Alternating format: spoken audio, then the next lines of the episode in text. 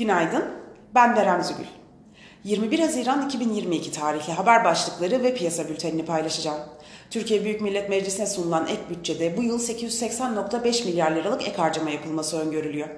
İsrail'de koalisyon çöktü. Ülke son 4 yılda 5. seçimine gidiyor.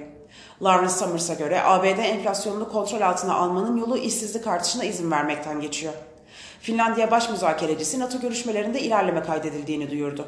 Hisse senetleri bu sabah pozitif ayrışırken ABD tahvil getirileri yükselişini sürdürüyor.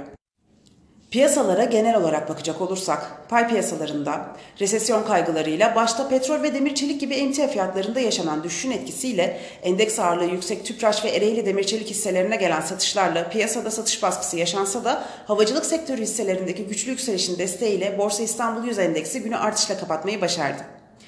Düşüş trendine giren global borsalarda yükselişlerin satış fırsatı olarak kullanılacağını ve orta vadede düşüş trendinin devam edeceğini düşünüyoruz. Resesyon endişeleriyle emtia fiyatlarındaki düşüşün devamı durumunda Borsa İstanbul'da da emtia bazlı hisselerde satış baskısı ve zayıf seyir devam edebilir. Ancak başta bankacılık ve havacılık sektörü olmak üzere güçlü karlılık beklentilerinin devam etmesi nedeniyle Borsa İstanbul'un genel olarak yurt dışına göre güçlü görünümünü devam ettirmesini öngörüyoruz. Borsa İstanbul kapanışına göre ABD ve Almanya vadelileri yükselişle seyrediyor. Asya borsalarında alıcılı bir seyir var.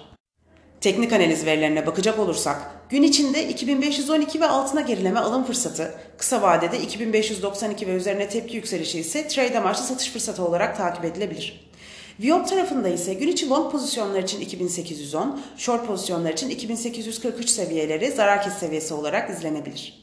Borsa İstanbul'un ve endeks kontratının güne pozitif bir eğilimle başlamasını bekliyoruz. Kazançlı günler dileriz.